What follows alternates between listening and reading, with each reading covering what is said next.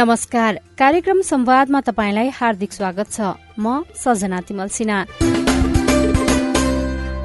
कार्यक्रम संवाद सामुदायिक रेडियो प्रसारक संघ अखराबद्वारा संचालित सामुदायिक सूचना नेटवर्क सीआईएन मार्फत देशभरि प्रसारणमा रहेका करिब तीन सय सामुदायिक रेडियोबाट सुन्न सकिन्छ। यो कार्यक्रम W W W dot CIN Khabar dot कममा इन्टरनेट मार्फत चाहेको बेला विश्वभरि सुन्न सकिन्छ भने मोबाइल एप सीआईएन डाउनलोड गरेर पनि सुन्न सकिन्छ। कार्यक्रम संवाद कोविड उन्नाइस र स्वास्थ्यसँग सम्बन्धित विविध विषयमा केन्द्रित रहनेछ। आजको कार्यक्रममा हामी कोरोना महामारीको चौथो लहरको जोखिम बढ़दै गर्दा स्थानीय सरकार र मध्य प्रदेशमा कोरोना विरूद्धको खोपको अवस्था लगायतका विषयमा कुराकानी गर्नेछौं। नेपालमा पछिल्लो समय कोरोनाका कारण दैनिक संक्रमित थपिनेको संख्या झण्डै एक हजार नजिक पुगेको छ। दैनिक सात सयदेखि नौ सयको हाराहारीमा कोरोना संक्रमित थपिँदै गर्दा एकदेखि दुईजनाको मृत्यु पनि भइरहेको छ। जसलाई विश्व स्वास्थ्य संगठनले नेपाल कोरोनाको चौथो लहरको उच्च जोखिममा रहेको भन्दै चेतावनी दिएको छ। त्यति मात्रै होइन भारतमा मंकीपक्स भाइरसको संक्रमण पनि बढ़दै गर्दा नेपाल मंकीपक्सको पनि उच्च जोखिममा रहेको चेतावनी दिइएको छ। नेपाल स्थित विश्व स्वास्थ्य संगठनका प्रमुख डाक्टर राजेश सम्बाजिराव पाण्डवले पछिल्लो समय नेपालमा जुन गतिमा कोरोना संक्रमित थपिँदैछन् त्यसले चौथो लहरको जोखिम बढ़ाएको भन्दै संगठनले कोरोना महामारी र मंकीपक्सको जोखिमलाई नजिकबाट नियालिरहेको बताउनुभयो। उहाँले दक्षिण पूर्वी एसियामै पहिलो पटक भारतमा मंकीपक्स भाइरसबाट एकजनाको मृत्यु भएको र संक्रमण पनि बढ़दै गएकाले नेपाल उच्च जोखिममा रहेकाले सोही अनुसारको तयारी भइरहेको बताउनुभयो। संगठनको स्वास्थ्य आपतकाल कार्यक्रममा डाक्टर एलिसन गोको टानोले विश्वका विभिन्न मुलुकमा देखिएको मंकीपक्स भाइरसको संक्रमण अधिकांश समलिङ्गी समुदायका रहेको भए पनि यो सबै समुदायका व्यक्तिमा सर्ने भएकाले संगठनले यसलाई विश्व स्वास्थ्य आपतकालको रूपमा घोषणा गरेको बताउनुभयो। उहाँले हालसम्म विश्वका चालिस भन्दा बढ़ी मुलुकमा गरी चौविस हजार भन्दा बढ़ीमा मंकीपक्स भाइरसको संक्रमण देखिएको र पछिल्लो समय भारतमा पनि संक्रमण देखिन थालेकाले नेपालमा जोखिम बढ़ेको हुँदा स्वास्थ्य सावधानी अपनाउन आग्रह गर्नुभयो।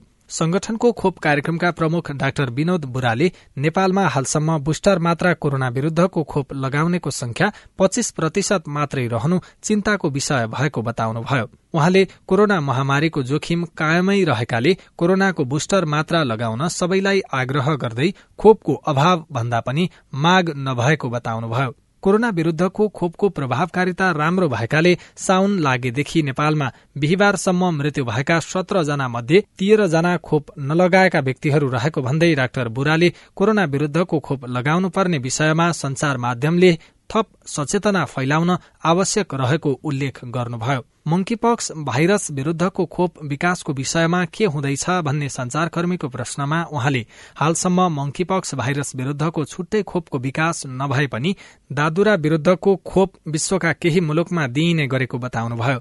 उहाँले अमेरिका र युरोपीय मुलुकहरूमा दादुराको खोपले नै काम गरिरहेकाले मंकीपक्स भाइरस विरूद्धको प्रभावकारी खोपको विषयमा अध्ययन अनुसन्धान भइरहेको पनि जानकारी गराउनुभयो।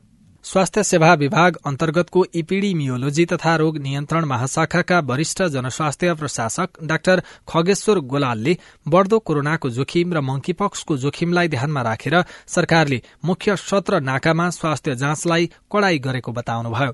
उहाँले हाल रहेका अस्थायी हेल्थ पोस्टहरूमा स्थायी दरबन्दी कायम गरी कर्मचारीलाई नियुक्त गर्ने र आफ्नै भवनमा सेवा दिने गरी काम अघि बढ़ेको पनि जानकारी दिनुभयो। डाक्टर गेलालले देशका सोह्रवटा ठूला सरकारी अस्पताललाई मंकीपक्सको उपचार गर्ने डेडिकेटेड अस्पताल तोकिएको भन्दै त्यहाँका सोह्र जना छाला तथा यौनरोग विशेषज्ञलाई यसको विज्ञको रूपमा खटाइएको पनि जानकारी दिनुभयो। रिपोर्टपछि अब हामी स्थानीय सरकारले कोरोनाको बढ़दो जोखिमलाई ध्यानमा राखेर कसरी काम गर्दैछ भन्नेमा विविध सामग्री प्रस्तुत गर्नेछौ। शुरूमा सुदूरपश्चिम प्रदेश कञ्चनपुरको बेलौरी नगरपालिकातर्फ लागौं।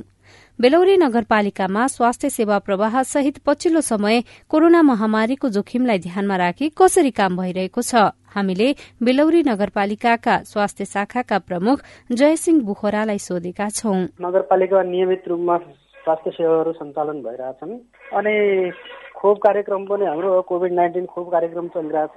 अनि बुस्टर डोजको बारेमा अहिले हाम्रो जोन्सन एन्ड जोन्सन प्राथमिक स्वास्थ्य केन्द्रबाट हामीले दिइरहेछौँ देशैभरि कोरोना संक्रमणको दर पनि बढ्दै गएको छ संख्यात्मक रूपमा हेर्दाखेरि होइन? दैनिक संक्रमण थपिने भनेको सात सयदेखि नौ सयसम्म नै पुगिसकेको छ संक्रमित थपिनेहरूको संख्या यसलाई ध्यानमा राखेर बेलौरी नगरपालिकाले के कस्ता सावधानीहरू अप्नाइराखेको छ?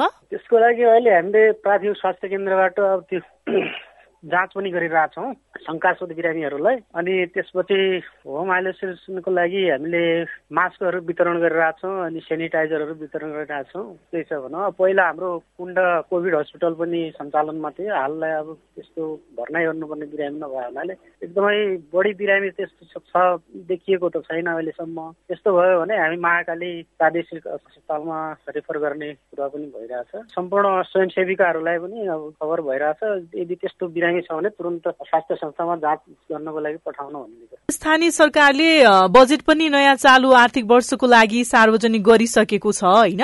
बेलोरी नगरपालिकाले यसपटकको आर्थिक वर्षमा के कस्ता स्वास्थ्यका कार्यक्रमहरूलाई प्राथमिकतामा राखेको छ?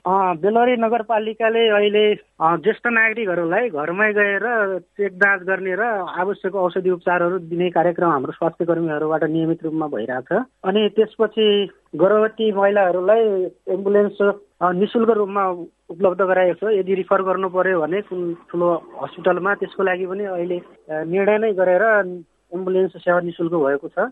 अरू नियमित चलिरहेको छ। त्यो बाहेक बेलौरी नगरपालिकामा जति पनि स्वास्थ्य संस्थाहरू छन् ती स्वास्थ्य संस्थाहरूसँग तपाईँहरूले कसरी समन्वय गरेर यस्ता कोरोना महामारीदेखि लिएर अन्य रोगहरूको व्यवस्थापन गर्ने त्यस विरुद्धको तयारी चाहिँ तपाईँहरू कसरी गर्नुहुन्छ समन्वय गरेर? हाम्रो नगरपालिका अन्तर्गत रहेका स्वास्थ्य संस्थाहरूसँग हामी नियमित सम्पर्कमा हुन्छौँ। हाम्रो बेलहरी नगरपालिका स्वास्थ्य शाखा भनेर यो ग्रुप पनि खोलेका छौँ। सबै साथीहरू त्यसमा आबद्ध हुनुहुन्छ। र स्वास्थ्य सम्बन्धी कुनै पनि सूचना जानकारी आयो भने हामी आफ्नो शाखाको ग्रुपमा मेसेज मेसेज गर्छौँ र तुरुन्तै सूचनामूलक जानकारीहरू आदान प्रदान गर्ने र फोन सम्पर्कबाट पनि अब हामीले जानकारी गर्ने गरिरहेछौँ विशेष गरी विपदको बेलामा औषधिहरूको अभाव हुने होइन। स्वास्थ्य संस्थासम्म पुग्न नसक्ने अवस्थाहरू पनि सुनिन्छ।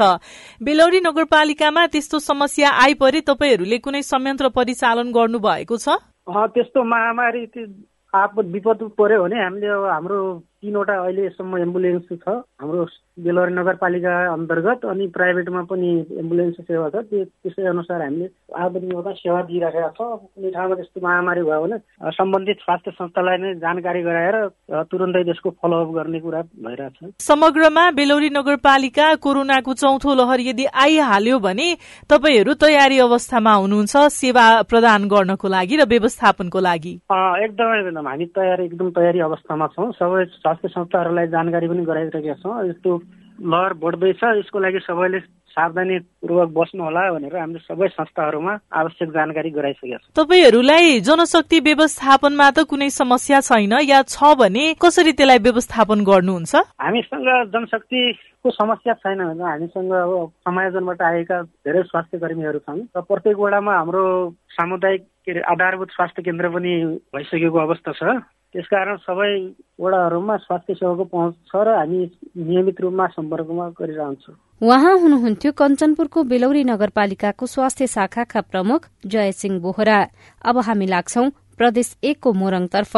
छ महानगरपालिका मध्येको एक मोरङ स्थित विराटनगर महानगरपालिका भारतसँगको सीमानाकामा जोडिएको छ। दैनिक झण्डै एक हजारदेखि पन्ध्र सय मानिसहरू ओहोर दोहोर गर्ने जोगबनी नाका विराटनगर महानगरपालिकासँगै जोडिएको अवस्थामा कोरोना मात्रै होइन मंकीपक्सको पनि जोखिम छ।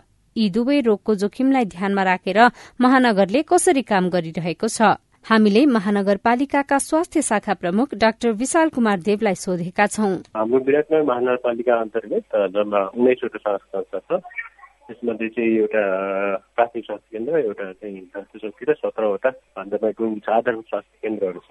ती स्वास्थ्य केन्द्रहरू मार्फत हाम्रो अब जर्मनी अनुसार नै कर्मचारीहरू छन्। अनि उहाँहरूले नै त्यहाँबाट प्रोभाइड गर्नु पनि सबै प्रोभाइड गर्दै हुनुहुन्छ। यो सँगसँगै अहिले पछिल्लो समय देशैभरि कोरोना संक्रमणको संख्या बढ्दै गइराखेको छ होइन? विराटनगर महानगर भनेको भारतीय सीमासँग पनि जोडिएको छ। यो सबैलाई ध्यानमा राखेर पालिकाको तर्फबाट कस्तो खालको तपाईँहरूले तयारी गर्नु भएको छ? हेल्थ डेस्कको कुराहरूदेखि लिएर कोरोना परीक्षणका कुराहरूमा? हाम्रो कोरोनासँग रिलेटेड अब डायग्नोसिस ट्रिटमेन्टको बाटोहरू हुन्छ त्यसपछि स्क्रिनिङको कुराहरू हुन्छ। हामीले चाहिँ नाकामा रानी नाका के नाकामा हाम्रो हेल्थ डेस्कमा हाम्रो स्टाफहरू खटाएका छौँ। त्यहाँबाट स्क्रिनिङ गर्नुहुन्छ उहाँहरूले बिहान आएदेखि बेलुका सात बजीसम्म। स्क्रिन गर्नुहुन्छ त्यहाँबाट चाहिँ एन्टिजेन परीक्षण गरेर त्यसपछि त्यहीँ अब इन्डियन हो भने उतै उतै फर्काइदिने नेपाली हो भने अब कतातिरको त्यसरी कुन जिल्लाको भने पनि हुन्छ प्रायः सबै मरङ्गा हुँदैनन् जे सबै नै हुन सक्छन्। अनि रेस्पेक्टिभ जिल्लामा काउन्सिलिङ गरेर पठाइदिने त्यो गरिराख्नु भएको छ। त्यसपछि प्लस अब हाम्रो सिटीमै नगरपालिकाको तर्फबाट सिडिओ अफिस नजिकै एउटा हाम्रो स्थापना गरेको छ।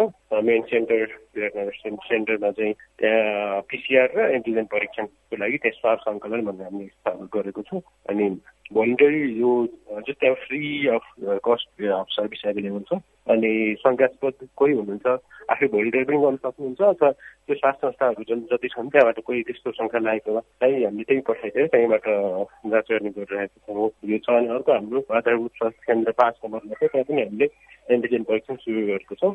यति ठाउँबाट चाहिँ हाम्रो स्क्रिनिङको कामहरू अनि परीक्षणको कामहरू भइरहेको छ अनि हामीले पोजिटिभ एसिम्टोमेटिक पेसेन्टहरू जस्तो लागेको खण्डमा हाम्रो कोभिड नाइन्टिन उपचार केन्द्र प्रदेशद्वारा सञ्चालित छ र कोशी अस्पतालद्वारा व्यवस्थित त्यहाँ हामीले चाहिँ कन्ट्याक्ट गरेर त्यहाँ पठाइदिने व्यवस्था प्रेसन गर्ने व्यवस्था त्यसरी मिलाएको छ। कोरोना संक्रमणको दर बढ्दै जाँदाखेरि बेला बेलामा सुनिने एउटा समस्या भनेको जनशक्ति पूर्वाधार अभाव हुने र किटहरूको पनि अभाव हुने गरेको भनेर हामीले पछिल्लो तीनवटा लहरमा सुन्यौं होइन? विराटनगर महानगरले यो समस्यालाई कसरी समाधान गर्दै गएको छ पछिल्लो अनुभव र अबको तपाईँहरूको तयारी के छ? वास्तवमा यो सबै चुनौती नै हो हाम्रो लागि अब विगतमा कोभिडको टाइममा हामीले त्यतिखेर चाहिँ कोभिड जुन भयो अवस्था थियो त्यतिखेर मान्छे पाउन सामान पनि गाह्रो थियो। तर बिस्तारै अहिले चाहिँ एक खालको मान्छे चेतना आइसकेको छ। अनि हाम्रो केही स्टाफहरू पहिला चाहिँ कोभिडकै स्टाफहरू ल्याएको जस्तो दुईजना हामीले उहाँहरूलाई नै कन्टिन्युटी दिएर अहिले कनको परीक्षण गराइरहेको छौँ।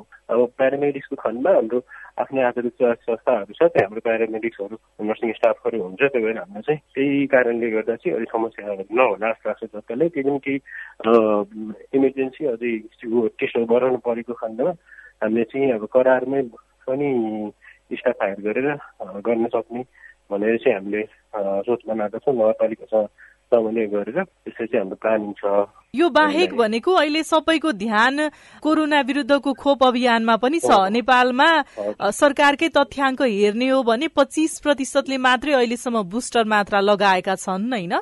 विराटनगर महानगरमा के छ? कोरोना विरुद्धको नियमित खोप जस्तै पहिलो मात्रा दोस्रो मात्रा र अहिले तेस्रो मात्राको अवस्था के छ? कसरी सञ्चालन गरिरहनु भएको छ? हामीले ओभरअल भ्याक्सिन कभरेज हामीले eighty eighty two to eighty five पर्सेन्टसम्म पुऱ्याइसकेको हाम्रो रेकर्डले देखाउँछ। सबै भ्याक्सिन गरेर इन्क्लुडिङ पाँचदेखि बाह्र वर्षदेखि इन्क्लुडिङ त्यो हाम्रो अहिले त्यहाँ सञ्चालन भइ नै राखेको छ अहिलेको अवस्थामा। त्यो तेइस गतेसम्मको हाम्रो त्यहाँ उच्च फाइजर पेराटिक फाइजर लाउने अहिले चलिरहेको छ कार्यक्रम। अरू त्यो बाहेक बुस्टर डोज पनि हामी डेली बेसिसमै ल्याइराखेका छौँ। बुस्टर डोजहरू पनि हाम्रो एट्टी टु पर्सेन्ट कभरेज छ अहिले कभरेज कोरोना सँगसँगै अहिले पछिल्लो समय सबैको चासो भनेको मङ्की पक्स भाइरसमा पनि छ होइन? भारतमा पहिलो मृत्यु भयो र भारतमा अहिले संक्रमण पनि बिस्तारै एक आध गरेर बढ्दै गइराखेको छ होइन? भारतमा संक्रमण बढ्ने बित्तिकै नेपालमा पनि त्यसको जोखिम उच्च हुने भनेर सरकारले र विश्व स्वास्थ्य संगठनले भनिरहँदा विराटनगर महानगरले मङ्की पक्सलाई ध्यानमा राखेर के कस्तो पूर्व तयारी गरेको छ? मङ्की पक्सलाई युज गर्दाखेरि खासै हामीले त्यस्तो तयारी गरेको जस्तो अहिले त्यति साह्रो छैन नै भन्नुपर्छ मैले यहाँ नघटेर भन्नुपर्दाखेरि। अब हामीले गर्नुपर्छ भनेर कुराहरू चाहिँ आइराखेको छ। त्यो बारे चाहिँ अलिकति गर्न बाँकी छ हामीले विराटनगर महानगरले यसपटक बजेट ल्याउँदै गर्दा स्वास्थ्यका कुन कुन विषयलाई प्राथमिकतामा राखेर बजेट ल्याएको छ? यसपल्ट स्वास्थ्यको कार्यक्रमहरू हेर्दाखेरि अब कोभिड भइहाल्यो कोभिड बाहेक अब ट्युबरक्लोसिस प्रोसेसका हामीले ट्युबल प्रोसेसलाई पनि विशेष जोड दिएर नेपाल सरकारको टिभी फ्री इनिसिएटिभ भन्ने एउटा जुन प्रतिशत नगरपालिकामा पहिला हुन्थ्यो त्यो अब हाम्रो पनि पर्ने पर्न सक्ने सम्भावना देख्न नगरपालिका पनि पर्न सक्ने सम्भावना पनि रहेको हुँदा अनि टिभीलाई के अरे ट्वेन्टी थर्टी फाइभसम्म इपिडेमिकबाट हटाउने भनेर त्यसरी छ अब त्यसको लागि भनेर पनि टिभीलाई बजेट छुट्याएको छौँ त्यसपछि हाम्रो नियमित कार्यक्रमहरू जुन रिलेटेड हुन्छन्। तिनीहरूलाई बजेट छुट्याइएको छ। त्यही कुरा नै छ। बजेट ल्याउँदै गर्दाखेरि कार्यक्रमहरूको लागि यति यति रकम विनियोजन गर्दै गर्दाखेरि त्यसको प्रभावकारी कार्यान्वयनको प्रश्न पनि आउँछ होइन? सरकारले स्थानीय सरकारले बजेट छुट्याउने तर समयमै त्यो कार्यक्रम कार्यान्वयनमा नजाँदाखेरि कतिपय अवस्थामा बजेट नै फ्रिज हुने या फेरि अन्य क्षेत्रमा सार्नुपर्ने अवस्थाहरू पनि देखिन्छ होइन? विराटनगर महानगरले स्वास्थ्य क्षेत्रमा छुट्याएका बजेटहरूलाई प्रभावकारी कार्यान्वयनमा लिएर कसरी जान्छ? रेड बुक नै नआइसकेको अवस्था छ पनि हामीले त्यो चाहिँ कुरिराखेको छौँ। हाम्रो प्रोग्रामहरू जस्तै एउटा दुइटा प्रोग्राम जुन हाम्रो जस्तै ब्रेस्ट फिडिङ विक त्यो हाम्रो प्रो त्यो बजेट नछुटाइकन पनि हामीले सञ्चालन गरिरहेका छौँ। होइन अब त्यो चाहिँ पक्कै पनि त्यो प्रोग्राममा छ र पैसा पछि बजेट आउँछ होला भन्ने हिसाबले अरू प्रोग्रामहरू पनि अब त्यसको हाम्रो जुन सेड्युल हुन्छ त्यो सेड्युल अनुसार नै हामी प्रोग्राम सञ्चालन गर्ने नै छौँ। त्यो हिसाबले बजेट आउँछ नै होला भन्ने हिसाबले अरू बजेट रिलेटेड कुरा त भोलि आइसकेपछि ठ्याक्कै यति बजेट आयो अनि यसरी काम गरौँ भन्ने कुरा त्यसरी बल्ल अलिकति एउटा वे फरवर्ड कसरी जाने भन्ने कुरा थाहा होला विशेष गरी नेपालका जिल्लाहरू जुन भारतसँगको सिमानाकासँग जोडिएका छन् ती जिल्ला सधैँ कोरोना लगायतका अन्य रोगको जोखिममा हुन्छन् त्यसकारण ती जिल्लामा विशेष सतर्कता अपनाउन आवश्यक छ अब कुरा गरौं सरकारले दुई हजार सतहत्तरको माघदेखि शुरू गरेको कोरोना विरूद्धको खोप अभियानबारे। नेपालमा कोरोना विरूद्धको खोप अभियान चलाएको अठार महिना पूरा भइसकेको अवस्थामा पछिल्लो समय कस्तो छ खोप अभियानको अवस्था? खोपका लागि चाहिने सिरिन्ज अभाव भएको हो? लगायतका विषयमा स्वास्थ्य सेवा विभाग अन्तर्गतको परिवार कल्याण महाशाखाका प्रमुख डाक्टर विवेक कुमार लाल जानकारी दिँदै हुनुहुन्छ। नेपालमा कोविड उन्नाइस विरूद्धको खोप अभियान राष्ट्रिय खोप कार्ययोजना अनुरूप चरणबद्ध रूपमा लक्षित समूहहरूलाई चाहिँ अभियानकै रूपमा सञ्चालन हुँदै आइरहेको छ। र हालसम्म नेपाल सरकारलाई पाँच करोड़ अठासी लाख एकानब्बे हजार पाँच सय सत्तरी मात्रा कोविड उन्नाइस विरूद्धको खोप विभिन्न स्रोतबाट प्राप्त भएको छ। जसमध्ये कोभ्याक्स सुविधा अन्तर्गत दुई करोड़ चौहत्तर लाख एकानब्बे हजार छ सय मात्रा खोप र अन्य खोप जन्य सामग्रीहरू प्राप्त भएको छ भने थप खोप र खोपजन्य सामग्रीहरू पनि प्राप्त हुने क्रम जारी नै छ। र यसमा गाभीको गाभी जुन भन्छौँ हामी global alliance for vaccine immunisation त्यसको प्रतिबद्धता अनुसार नेपालले थप अझै पनि प्राप्त गरिरहेको छ। र यसमा म अलिकति थप कुरा के निवेदन गर्न चाहन्छु भने गावी लगायत अन्य दात्री निकायको सहयोग र नेपाल सरकारको खरिदबाट समेत हालसम्म कुल जनसङ्ख्याको पहिलो मात्राको त्रिहत्तर प्रतिशत भन्दा बढीलाई र दोस्रो तथा पूर्ण मात्राको सत्तरी प्रतिशत भन्दा बढी जनसङ्ख्यालाई खोप लगाउने कार्य सम्पन्न भएको छ। यसको यसले गर्दा पनि नेपालमा कोविड उन्नाइस विरुद्धको खोप कार्यक्रममा जुन लक्ष्य हासिल भएको छ यो दक्षिण पूर्वी एसियाकै उच्च दरहरूमध्ये पर्दछ। र हाल त्यसै गरी बाह्र वर्षभन्दा माथिको लक्षित जनसङ्ख्यामा समेत पहिलो मात्राको बयानब्बे प्रतिशत भन्दा बढी र दोस्रो तथा पूर्ण मात्राको अठासी प्रतिशत भन्दा बढी प्रगति हासिल भइसकेको अवस्था छ। र यो सबै प्रगति हासिल हुनुमा नेपाल जस्तो विकासशील देशलाई कोभ्याक्स सुविधा मार्फत प्राप्त भएको अनुदान सहयोग तथा सहजीकरण निकै महत्वपूर्ण रहेको कुरा नेपाल सरकारले अनुभूत गरेको छ। कोविड खोपको अलावा नेपालको राष्ट्रिय खोप कार्यक्रममा समेत गाभीबाट एक गाभी एक महत्वपूर्ण साझेदारको रूपमा रहँदै आएको छ र नियमित राष्ट्रिय खोप अभियान कार्यक्रममा समेत गाविको अनुदान सहयोग करिब सत्तरी प्रतिशतको हाराहारीमा रहँदै आएको छ भने रोटा भाइरस टाइफाइड लगायत नयाँ खोपहरू सुरुवात गर्ने काममा पनि गाविको महत्वपूर्ण सहयोग रहँदै आएको छ। र नेपालमा कोविड पूर्व खोप भण्डारणको क्षमता हेर्ने हो भने जम्मा एक सय पैंतालिस घनमिटर थियो भने हाल यसमा गावी कोभ्याक्स सुविधा मार्फत महत्वपूर्ण सहयोग प्राप्त भएर यसमा पाँच सय बत्तीस प्रतिशत वृद्धि भएर हाल हामीसँग नौ सय सत्र घनमिटर खोप भण्डारण क्षमता हाल पुगेको पनि म निवेदन गर्न चाहन्छु। र यही दुई हजार उनासी साल असार नौ गतेदेखि पाँचदेखि एघार वर्षसम्मका उमेर समूहलाई का जम्मा सैतिस लाख बयानब्बे हजार तिन सय अन्ठानब्बे बालबालिकालाई संयुक्त राज्य अमेरिकाको सहयोग तथा गावी कोभ्याक्स सुविधा मार्फत खोप तथा खोपजन्य सामग्रीहरू आपूर्ति आपूर्ति योजना अनुरूप प्राप्त भई प्रथम चरणको अभियान समेत सत्ताइस जिल्लामा सम्पन्न भइसकेको छ भने बाँकी पचास जिल्लाहरूमा भदौ पाँच गतेदेखि खोप अभियान सञ्चालनको तयारी भइरहेको छ। यसै परिप्रेक्ष्यमा पाँचदेखि एघार वर्षका बालबालिकाहरूलाई कोविड उन्नाइस विरुद्धको खोप प्रदान गर्ने क्रममा विभिन्न संचार माध्यममा सम्प्रेषण भएका सिरिन्जको अभाव र आपूर्ति अवस्थाका बारेमा कोविड माफ गर्नुहोला गा, गाभी कोभ्याक्सको संलग्नता सम्बन्धी समाचार टिप्पणीहरूमा स्वास्थ्य तथा जनसंख्या मन्त्रालयको गम्भीर ध्यानकर्षण भई यस विषयमा थप केही कुराहरू म प्रस्ट्याउने अनुमति चाहन्छु। अहिले पाँचदेखि एघार वर्षका बालबालिकाहरूलाई कोविड उन्नाइस विरुद्धको खोप उपलब्ध गराउने थोरो थोरै मुलुक मध्ये नेपाल पर्दछ र नेपाल सरकारको उच्च प्राथमिकतामा रहेको हुनाले पाँचदेखि एघार वर्षका बालबालिकाहरूलाई कोविड उन्नाइस विरुद्धको जोखिम न्यूनीकरण गर्न खोप खरिद प्रक्रिया शुरू गरेकै समयमा गावी कोभ्याक्स सुविधाबाट फाइजर खोप तथा खोपजन्य सामग्रीहरू अनुदान सहयोगमा उपलब्ध गराउने सुनिश्चितता प्राप्त भएको थियो र यसले गर्दाखेरि भ्याक्सिन खरिदमा नेपाल सरकारले खर्च गर्नुपर्ने ठूलो धनराशि जोगिएको छ र यसको लागि मार्ग प्रशस्त गर्न पनि गावी कोभ्याक्स सुविधाले उल्लेख्य भूमिका खेलेको छ। यस अभियानको तयारीको क्रममा यो खोप लगाउनको लागि प्रयोग हुने शून्य दशमलव दुई मिलिलिटरको जुन सिरिन्ज हुन्छ त्यसको विश्वव्यापी रूपमा चाहिँ माग अनुसारको उत्पादन नभएको तथ्य पनि हामीलाई गावी कोभ्याक्स सुविधा मार्फत चाहिँ जानकारी प्राप्त भएको थियो। तथापि पनि नेपाल सरकारको प्राथमिकता त्यसपछि अभिभावकहरू र नेपाल बालरोग विशेषज्ञ समाज लगायत सरकारवालाहरूको उच्च मागलाई मध्यनजर गरी जति सक्दो सम्भव छ चाँडो खोप प्रदान गर्ने नेपाल सरकारले निर्णय गरेको थियो। र यस अभियानका लागि आवश्यक पर्ने सिरिजको हकमा राष्ट्रिय खोप सल्लाहकार समितिको छलफल र सिफारिसबाट हाल मौजदातमै रहेको एक मिलिलिटरको सिरिन्ज जसमा जिरो दशमलव एक मिलिलिटरदेखि एक मिलिलिटरसम्म चाहिँ रेखाङ्कन गरिएको हुन्छ त्यस्तो सिरिन्जबाट खोप अभियान सञ्चालन गर्ने निर्णय भई सोही अनुसार खोप गावी कोभ्याक्स सुविधाबाट माग गरी हालसम्म यो खोप अभियान सञ्चालन गरिएको कुरा पनि म विनम्रतापूर्वक राख्न चाहन्छु र यो खोप अभियान सञ्चालन पूर्व खोप अभियानको गुणस्तर कायम गर्नको लागि खोप कार्यक्रममा संलग्न सम्पूर्ण खोप दिने स्वास्थ्य कर्मीहरूलाई तालिम समेत प्रदान गरिसकिएको छ।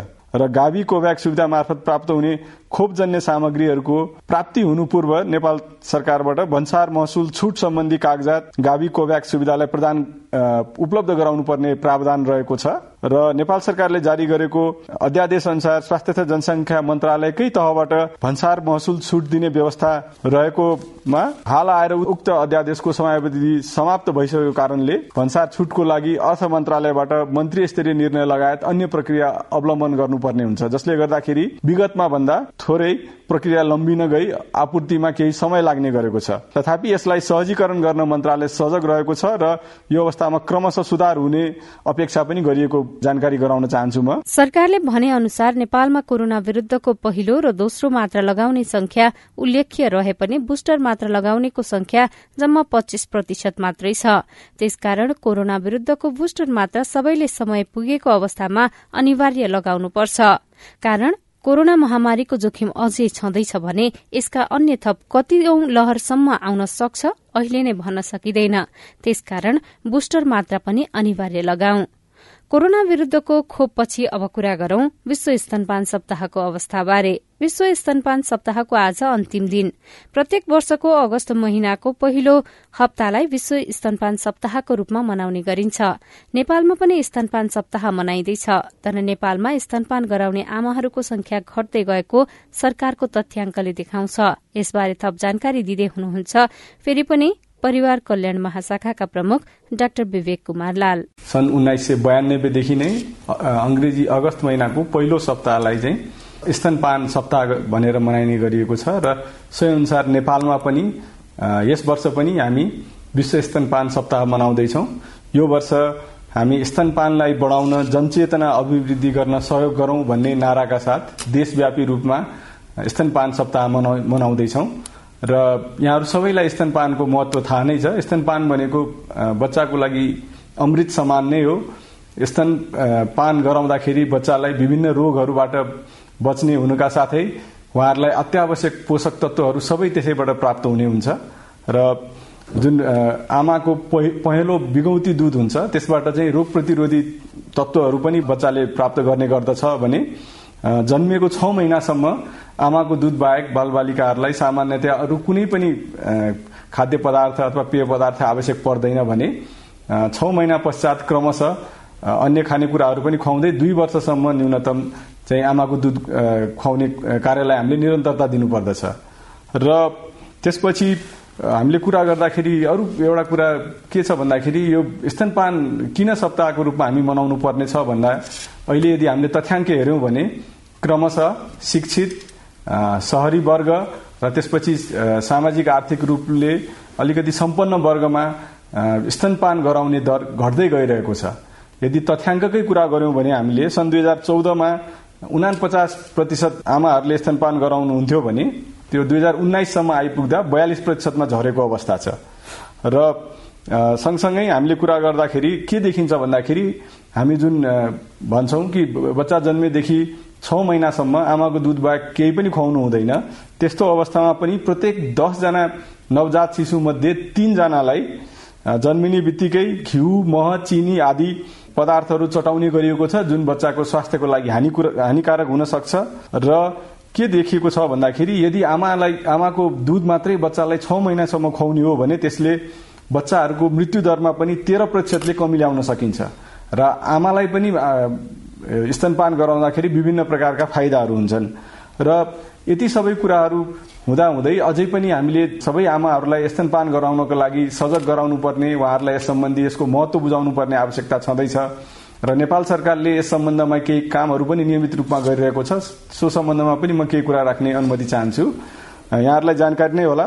आमाको दुधलाई प्रतिस्थापन गर्ने वस्तु बिक्री वितरण नियन्त्रण ऐन र नियमावली छ। र सो अनुसार नेपाल सरकारले संघ प्रदेश र स्थानीय तहसम्म निरीक्षकहरू नियुक्ति गरिसकेका छन् जसले यसको अनुगमन गर्नुहुन्छ।